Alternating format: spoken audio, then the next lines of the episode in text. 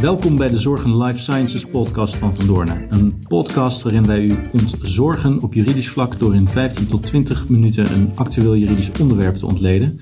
Uh, speciaal voor mensen werkzaam in zorg en life sciences om te beluisteren in de file, op de fiets of tijdens het hardlopen. Uh, aan het einde van deze podcast hebt u een goed klok-klepelgevoel waar de aandachtspunten zitten. Mijn naam is Kees-Jan de Boer, advocaat marktregulering en mededinging bij Van Doornen. En vandaag aflevering 1, de wet arbeidsmarkt in balans.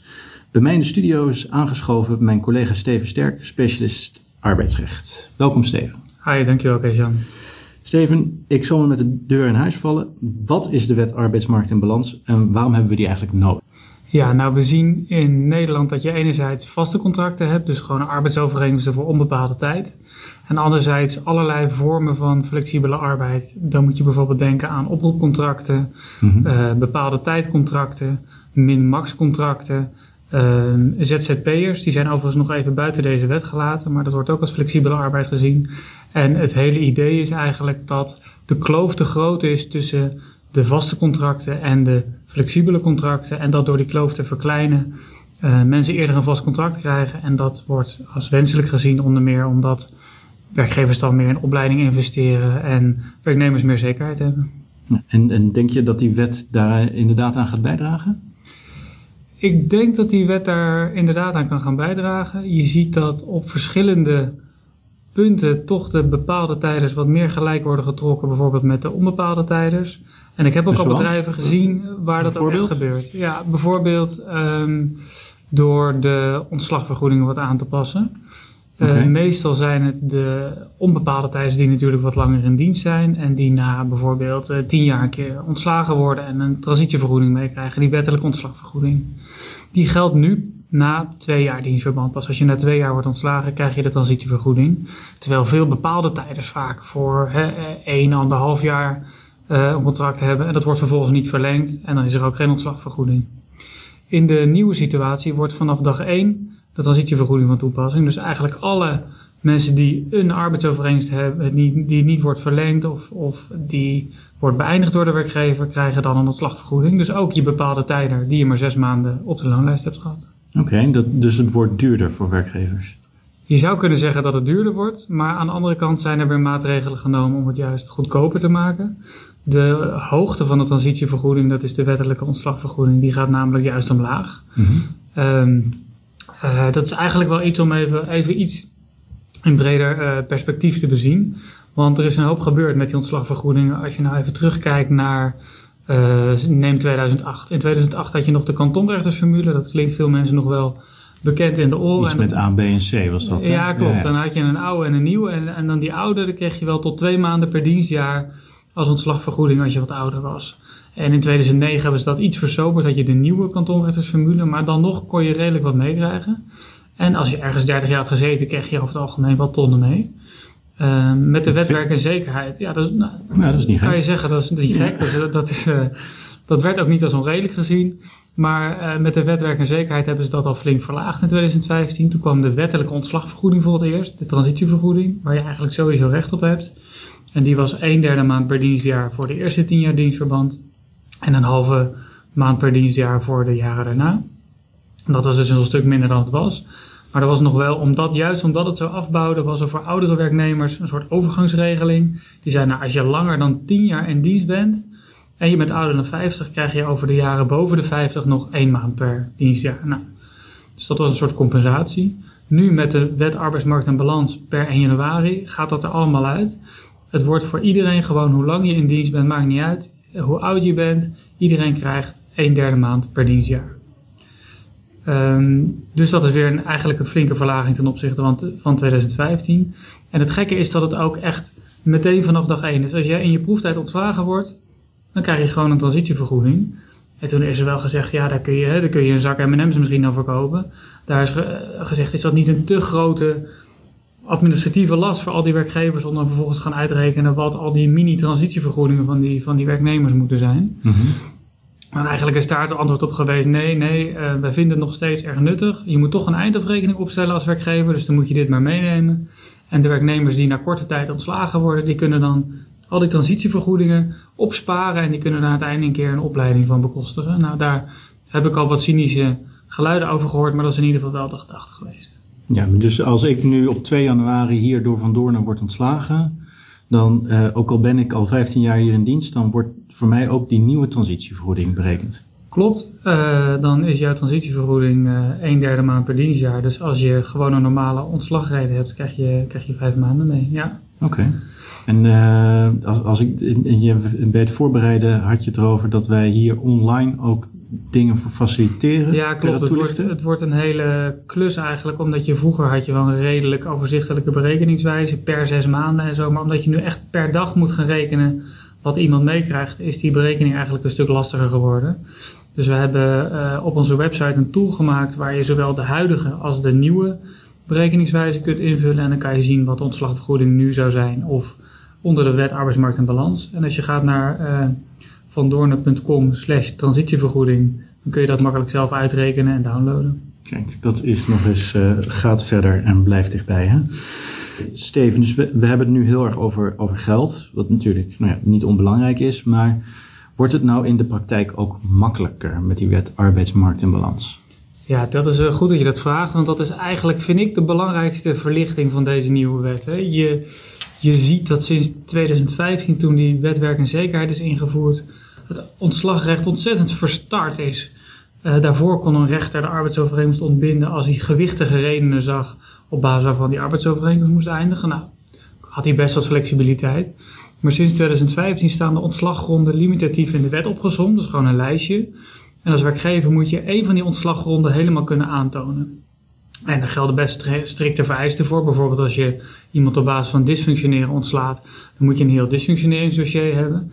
En als je dat net niet voldoende hebt, dan moet de rechter dus afwijzen. Want de rechter mag niet ontslaan, uh, die mag niet de arbeidsovereenkomst ontbinden als je twee ontslagredenen bijna hebt gehaald. Je moet er echt eentje volledig aantonen. En dat is een stuk lastiger gebleken, denk ik, dan de wetgever had voorzien. En daardoor zie je nu heel veel afwijzingen van ontbindingsverzoeken. En zie je ook in de onderhandelingen dat ja, werkgevers toch vaak net niet dat dossier op orde hebben. En de werknemer weet dat er geen ontbinding zal komen. Um, en dat die eigenlijk zegt, nou ja, ik blijf in dienst of betaal maar de hoofdprijs. En dat heeft nou ja, een hele nieuwe dynamiek gebracht in de, in de onderhandelingen. En heeft het een stuk duurder gemaakt. Ja, dus zoals het nu is, kan ik mijn werk een beetje slecht doen en ik kan een beetje ruzie maken met jou en dan kunnen ze mij niet ontslaan omdat ik en niet dysfunctioneer en te weinig ruzie maak. Um, ja, als ik daarover nadenk, dan, dan is dat ofwel onderdachte wetgeving of het is een bewuste keuze. De grap is dat eigenlijk heel uitdrukkelijk is gezegd in 2015: we willen geen combinatie en dat nu de combinatiegrond wordt geïntroduceerd. Dus dat is eigenlijk precies wat er. wie zei dat, dat we willen geen combinatie? Dat zei de Tweede Kamer. Ja, die zei inderdaad toen de wetwerk en zekerheid werd ingevoerd, zei de regering heel duidelijk: we, dit, dit moet echt een, een lijstje zijn waar je één grond aantoont. Een, een ontslaggrond moet je helemaal vullen, is er letterlijk gezegd. En combinaties moeten niet kunnen. Nou, nu komt er een nieuwe ontslaggrond bij die de combinatiegrond wordt genoemd al.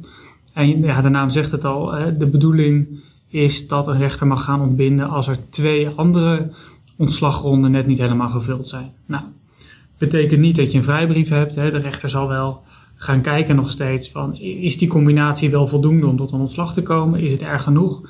Maar je kunt op zich dus met twee nou ja, onvolledige ontslaggronden wel de ontbinding krijgen die je eerst niet kreeg. En is dat niet, maakt het dat het niet heel erg subjectief wordt? Hoe gaat dat in de praktijk werken, denk je? Ja, dat is inderdaad wel een interessante. Daar heeft de wetgever weinig over gezegd. Dat wordt dus heel erg nog aan rechtspraak overgelaten. Dus de rechter zal zich moeten gaan afvragen wanneer het voldoende is om te gaan ontbinden. Nou, en ik ga er eigenlijk vanuit, als je als werkgever uh, totaal geen dysfunctioneringsdossier hebt, je hebt de werknemer niet aangesproken op dysfunctioneren, en je hebt eigenlijk ook nooit geprobeerd om die verhoudingen te verbeteren, dat je dan geen ontbinding krijgt. Maar het zou wel echt een uitkomst kunnen zijn voor juist die werkgevers die wel proberen om goed vast te leggen dat de dingen niet goed gaan, misschien net geen compleet dysfunctioneringsdossier hebben, die ook wel met hun werknemer praten over de relatie die anders moet, maar die misschien net niet voldoende gedaan hebben om echt te kunnen zeggen: je hebt alles gedaan om die verhouding te verbeteren. In die situaties zal de rechter naar mijn verwachting wel gaan ontbinden. Oké, en um, zie jij dan ook nadelen? Want hè, je vertelt eigenlijk, het, wordt makkelijker voor de werkgevers. misschien moeten de werknemers wat meer hun best doen en gewoon vriendelijk blijven zijn. Ehm, hoe, hoe zie jij dat? Nou, in zekere zin wordt het makkelijker, maar er zijn wel een aantal dingen om op te letten. Ehm, allereerst is er een soort compensatie bedacht voor het feit dat die ontslagronden niet volledig worden gehaald. De rechter mag namelijk, als je een ontbinding krijgt op die combinatiegrond, mag anderhalf keer de wettelijke ontslagvergoeding toekennen. Dus hij mag een halve erbij dat is die toekennen. die transitievergoeding waar we net over Dat is die transitievergoeding, precies. En uh, ik zeg bewust mag, want hij kan ook beslissen om het niet te doen, om het een beetje te doen of om een ja, hele halve, zeg ik maar, erbovenop te, toe te kennen. Maar je zegt een beetje, mag je ook minder dan die ene, die, die transitievergoeding? Of is dat echt een wettelijke Transitievergoeding is echt een wettelijk minimum. En die halve erbovenop mag hij eigenlijk zelf mee beslissen in hoeverre hij die toekent. Ja, oké. En uh, het, het gaat ook echt, denk ik, heel erg van rechtspraak afhangen hoe ze gaan bepalen of ze dat nou helemaal gaan toekennen of een beetje of niet. Maar wat in ieder geval door de wetgever gezegd is, is dat de bedoeling is dat uh, het is een compensatie voor het feit dat je die gronden niet haalt. Dus hoe ja, dichter je bij een ontslaggrond zit, hoe hm, waarschijnlijk hoe lager die vergoeding zal zijn. En als de rechter bij godsgratie ontbindt, maar denkt nou, je had net een begin van twee ontslagronden en het kan niet meer. Maar eigenlijk vind ik het wel uh, dat je niet zo goed je best hebt gedaan, zeg ik het maar netjes. Dan zal die waarschijnlijk de hele uh, extra vergoeding toekennen. Dat is ja. mijn verwachting, ja. En dus zeggen we daarmee eigenlijk dat de wet arbeidsmarkt en balans de boel iets flexibeler maakt, omdat het makkelijker is een werknemer de deur te wijzen als je maar betaalt?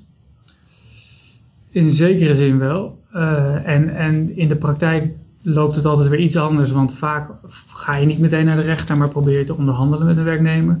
En wat je nu ziet is dat in die onderhandelingen de werknemer zich op het standpunt vaak stelt. Ja, werkgever, je hebt net je dossier niet netjes ontbinding ga je niet lukken. Straks krijg je denk ik de situatie waarin je als werkgever in ieder geval kunt zeggen op een gegeven moment, nou, er is een grens aan wat wij hier bieden, want wij zien een B-scenario. Wij kunnen ook de rechter nog vragen op basis van de combinatiegrond ontbinden. Dus we bieden misschien anderhalf keer de transitievergoeding, misschien wat meer om een procedure te voorkomen. Maar dat is het. En ik denk dat dat de onderhandelingen wel gaan beïnvloeden. Ja. En zijn er nou andere onderwerpen uit uh, de WAP waar wij wat over moeten weten? Nou, wat wel even goed is, want ik zei in het begin al even, je moet ook beseffen dat het ook voor flexibele relaties wat spannender wordt voor werkgevers. Er komen extra regels bij. En dan moet je bijvoorbeeld aan oproepkrachten denken. Oproepkrachten, dat blijft gewoon mogelijk om die in te schakelen. Maar er komen een aantal extra regels voor. Zo moet je een oproepkracht minimaal vier dagen van tevoren gaan oproepen, anders hoeft hij niet meer te komen. En als je mag wel, neem ik aan. Mag wel. Ja. En als hij komt, dan, dan loopt alles gewoon goed. Dus het is puur ter bescherming, je kan gewoon komen. En het tweede waar je op moet letten is dat die vier dagen op nog een andere manier geldt. Het is namelijk ook zo dat je binnen die vier dagen je oproep niet meer kan wijzigen zonder dat je ervoor betaalt. Dat zal ik even uitleggen. Kijk, als, je, uh, als ik jou bijvoorbeeld oproep voor over een aantal dagen om te komen werken, voor de hele dag. En ik ga binnen vier dagen voor het moment waarop je moet komen werken zeggen, nou weet je, ik heb je eigenlijk toch maar voor een halve dag nodig. Heb ik de oproep gewijzigd in de helft. Uh, dat is prima, dat kan. Dan hoef je ook uh, niet meer de hele dag te komen, maar dan krijg je nog wel de hele dag betaald. Dus met andere woorden, als je uh, binnen vier dagen je oproep wijzigt, betaal je voor de oorspronkelijke opdracht. Dat kan bij CAO wel verkort worden, die termijn, naar 24 uur. En dat geldt voor die beide termijnen van vier dagen. Dus zowel voor de oproeptermijn als voor het wijzigen binnen uiteindelijk dan 24 uur. Doen we dat in de zorg? Nou, in de zorg wordt het niet gestimuleerd om oproepcontracten te gebruiken. In diverse zorg-cao's zie je ook dat er staat dat het voor bepaalde uitzonderingssituaties is bedoeld. Maar in de praktijk zie ik dat het toch wel gebeurt en ik denk zelfs iets breder nog wel gebeurt. En het is ook wel begrijpelijk, want het is ook wel nodig, denk ik. Um, maar um, nou ja, in de zorg is het dus zeker iets om ook rekening mee te houden. Uh, zeker ook omdat er is nog iets extra's wat ik niet verteld heb. En dat is dat er een nieuwe regel gaat gelden dat als je een jaar lang een oproepkracht hebt gebruikt, dan heb je daarna de verplichting na dat jaar om de oproepcontract, uh, sorry, om de oproepkracht een vast aantal uren aan te bieden. Ter hoogte van het gemiddelde wat hij het afgelopen jaar heeft gewerkt. Dus eigenlijk ben je dan helemaal je flexibiliteit kwijt. Want iemand uh, krijgt een contract aangeboden van bijvoorbeeld 20 uur als dat zijn gemiddelde was. Dat hoeft hij niet te accepteren, dan moet je het alleen elk jaar weer opnieuw aanbieden. Um, maar uh, je moet het in ieder geval wel aanbieden, want als je het niet doet, dan heeft de oproepkracht in ieder geval recht op de beloning.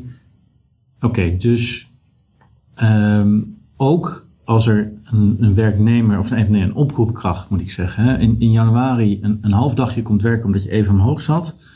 en daar hoor je dan verder een jaar niks meer van, die moet je dan het jaar erop een, een, een, een overeenkomst aanbieden voor, voor die halve dag? Dat is wel een leuk scenario, want ik heb dit niet in de wetsgeschiedenis gelezen. Dus de wetgever heeft over dit soort kleine dingen die nagedacht. Maar volgens de regels zoals die er komen is dat inderdaad het geval. Als je een klein beetje hebt gewerkt en het contract loopt gewoon door, want dat is wel een vereiste. Dus Dan een- moet je na een 12 op- maanden- oproepovereenkomst Ja, dus je hebt een- ja. Je hebt een oproepovereenkomst die kan een jaar duren of onbepaalde tijd. Maar als die doorloopt en je hebt in dat jaar heel weinig gewerkt, dus in januari bijvoorbeeld vijf uur, dan zal je na die 12 maanden een gemiddelde arbeidsomvang moeten bieden van een belachelijk aantal van waarschijnlijk een half uur per maand. Eh, de vraag is of die oproepkracht daarop zit te wachten, maar die zou dat in theorie kunnen accepteren. Betekent niet dat als je bijvoorbeeld een jaarcontract had, dat je verplicht bent om dat te verlengen. Hè? Dus dat is niet zo. Maar als het doorloopt, dan zal je in ieder geval die, eh, dat halve uur per maand moeten gaan aanbieden. Ja. Oké. En, en als ik het als werkgever nou vergeet of het gewoon niet doe? Als je het vergeet, dan is de sanctie dat je alsnog eh, het salaris betaalt alsof je iemand dat wel had aangeboden en hij had het geaccepteerd. Dus Ook als die je- niet werkt? ook als hij niet werkt, dus in jouw voorbeeld, stel het is een half uur per maand eh, en je biedt dat niet aan, want je denkt dat vind ik onzin, hij is maar een dag geweest in januari. Eh, dan kan die werknemer achteraf claimen dat je hem een halve dag per maand salaris moet betalen, ook als hij niet geweest is. Ja. Dus dat is de sanctie, zit verder geen extra boete op, maar je betaalt dus eigenlijk eh, je tekortkoming. Dus je moet het ook schriftelijk doen, dus zorg dat je het als werkgever goed vastlegt dat je het aanbod hebt gedaan. En als de werknemer het afwijst, is het trouwens ook geen probleem. En dan kan hij Mhm. gewoon wel flexibel Ja. eh, blijven werken. Ja. Ja, maar dus als jij als oproepkracht het halve dagje hebt gewerkt en je bent, je bent heel keen, dan hou je dan volgens je mond en dan een jaar later zeg je, kan ik even vangen dat eh, een half uur in de maand voor het hele jaar, of misschien wel langer. Ja, dat zou kunnen. Dus, dus als werk, en dat zou ook kunnen natuurlijk als je werknemers hebt die een jaar heel veel gewerkt hebben en die normaal gesproken minder werken. Dus het is wel echt eh, als werkgever belangrijk, juist daarom, om het zelf goed, eh, ja, een soort kattenbelletje in je administratie te zetten. Dat je na een jaar eh, dat aanbod doet en het netjes afhecht. Ja. Ja, dus we zijn, of anders gezegd, we zijn gewoon een administratief circus aan het optuigen. Want als de, werk, als de werkgever het vergeet en niet al die brieven de deur uit blijft sturen, dan eh, loopt, hij, loopt hij een risico. Ja, dat klopt. Het wordt in zekere zin eh, eh, wat administratiever, een administratief circus. Aan de andere kant dient het ook wel echt een doel. Want die oproepkracht mo- moet ook daadwerkelijk dat recht krijgen. Dus de bedoeling is ook echt om die wat meer zekerheid te bieden. Zijn er nog andere dingen waar we rekening moeten houden? We hadden het bij de voorbereiding van deze podcast al even over de ketenregeling. Kan je daar wat meer over vertellen? Ja, dat is eigenlijk ook weer een voorbeeld van het feit dat eh, de wet arbeidsmarkt en balans een soort WBZ light is. Hè. De wet werk en zekerheid wordt op bepaalde punten weer een beetje teruggeschroefd. En dat zie je ook heel duidelijk bij de ketenregeling. Want vroeger kon je drie jaar lang contracten voor bepaalde tijd aanbieden aan werknemers. Dan, hè, daarna moest je onbepaalde tijd bieden, of werd het onbepaalde tijd als je dat niet deed. Ehm, dat is naar twee jaar teruggebracht met de gedachte, nou dan krijgen werknemers allemaal eerder een contract voor onbepaalde tijd. Toen is er al hier en daar, wat ja, ik zie jou lachen, maar ja, dus ik daar- denk, er is ook een alternatief mogelijk. ja, ja, nou, dat is ook genoemd, maar eh, namelijk inderdaad dat je dus eerder niet verlengd werd en eh, uit dienst trad. Ehm, maar eh, er is toch de verwachting uitgesproken dat, dat dat niet zou gebeuren. Nou, dat blijkt inderdaad een onterechte verwachting. Je ziet dat heel veel werknemers nu na twee jaar niet verlengd worden in plaats van na drie jaar. En dat is onwenselijk, vindt, vindt de regering. Dus het wordt weer naar drie jaar gebracht. Dus we kunnen vanaf 1 januari weer eh, drie jaar lang contracten voor bepaalde tijd sluiten. En eh, dat heeft zelfs nu al voordelen voordat het in werking treedt. Want stel dat je eh, een half jaar contract hebt aangeboden, vervolgens een jaar. En nu op 1 december loopt dat af. Dan kan je een nieuw jaarcontract bieden. ehm, waarmee je dus de twee jaar overschrijdt. Ehm, eh, die gewoon van rechtswege eindigt. Omdat je de twee jaar pas overschrijdt in 2020. En dan is de nieuwe wet al van toepassing. Dus kortom, Het moment van eindigen is bepalend voor deze ketenregeling. eh, wat het moment dat je de twee jaar overschrijdt, moet volgend jaar liggen. Maar als je dat maar doet en je blijft binnen die drie jaar, kan je wel nu het contract optekenen. Ja, oké. dus Waarmee je de twee jaar overgaat. Dat is het. nu Ja. aanstaande december kunnen we nog niet verlengen, maar vanaf 1 januari zou het wel kunnen. Ja, Als we, kunnen, we, we kunnen, als je nog onder die twee jaar zit, dus na anderhalf jaar pas, dan kun je 1 december zelfs al verlengen. Ehm, omdat je dan nog binnen die twee jaar zit eh, in dit jaar. En dan teken je dus eigenlijk al een contract wat onder de huidige wet tot problemen zou leiden. Maar omdat tijdig de wet in werking treedt, wordt dat ondervangen. Ja, oké. En, en dit treedt dus allemaal in werking per 1 januari. Ehm, zijn er nog uitzonderingen? Is er overgangsrecht waar we wat van moeten weten? Uh, wel aardig om even te noemen is dat bij dat ontslagrecht, en dat ziet eigenlijk op die verlagerde transitievergoeding. Je zou kunnen denken, ik ga nu, ik heb opzegtermijnen, dus ik ga nu een werknemer ontslaan en dan uh, pak ik de lage transitievergoeding, want de einddatum is dan uh, januari, februari. zo werkt het niet. Alle beëindigingen die dit jaar nog worden ingezet, dus alle verzoeken die dit jaar nog bij de rechter worden ingediend, alle verzoeken die dit jaar nog naar het UWV gaan, die vallen allemaal nog onder het oude recht. Dus uh, geen combinatie grond en geen verlaagde transitievergoeding. En uh, bij onderhandelen is er geen transitievergoeding verschuldigd. Hè. Dat moet je gewoon samen uitonderhandelen wat je dan betaalt. Maar een werknemer zal niet nu al schikken waarschijnlijk voor de lagere vergoeding. Uh, omdat hij weet dat het alternatief is dat je naar de rechter gaat en dan betaal je ook nog te hoog. Ja, dus even, even wachten nog met de Even wachten nog met, uh, met uh, schikkingsonderhandelingen. Is een rustige kerst voor jou, denk ik. Ja, dat, nou, dat, dat is de vraag. Ja, kijk, het alternatief is natuurlijk weer dat je mensen langer in dienst laat, namelijk tot volgend jaar. En dan betaal je ook salaris door. Dus, uh, nou ja, het is een afweging die zeker met onze tool op de website goed uit te rekenen is wat, je, wat het beste is. is. Ja. ja. Oké. Okay. Dankjewel, Steven. Um, ja, om het maar samen te vatten, hè, met je dossiervorming heb je wat meer flexibiliteit vanaf volgend jaar. Um, het wordt, uh, de berekening wordt wat anders, maar het wordt niet duurder voor de werkgevers. Um, flexibele arbeidskrachten kunnen een jaartje langer blijven zitten op een plek en een vaste plek proberen te veroveren.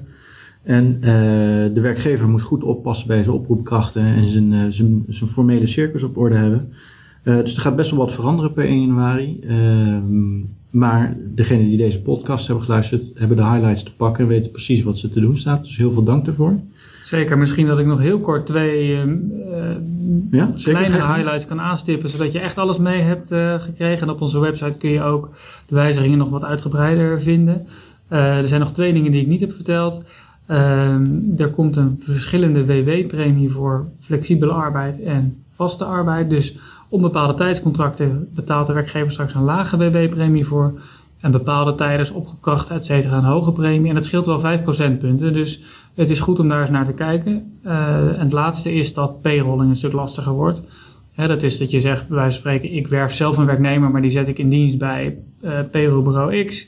En die verhuurt hem vervolgens aan mij. Nou, dat kan nog steeds wel, maar ze moeten hetzelfde beloond worden als bij mij, bij de inlener. En je kan ze niet makkelijker ontslaan, wat bij uitzendkrachten bijvoorbeeld wat makkelijker wel kan.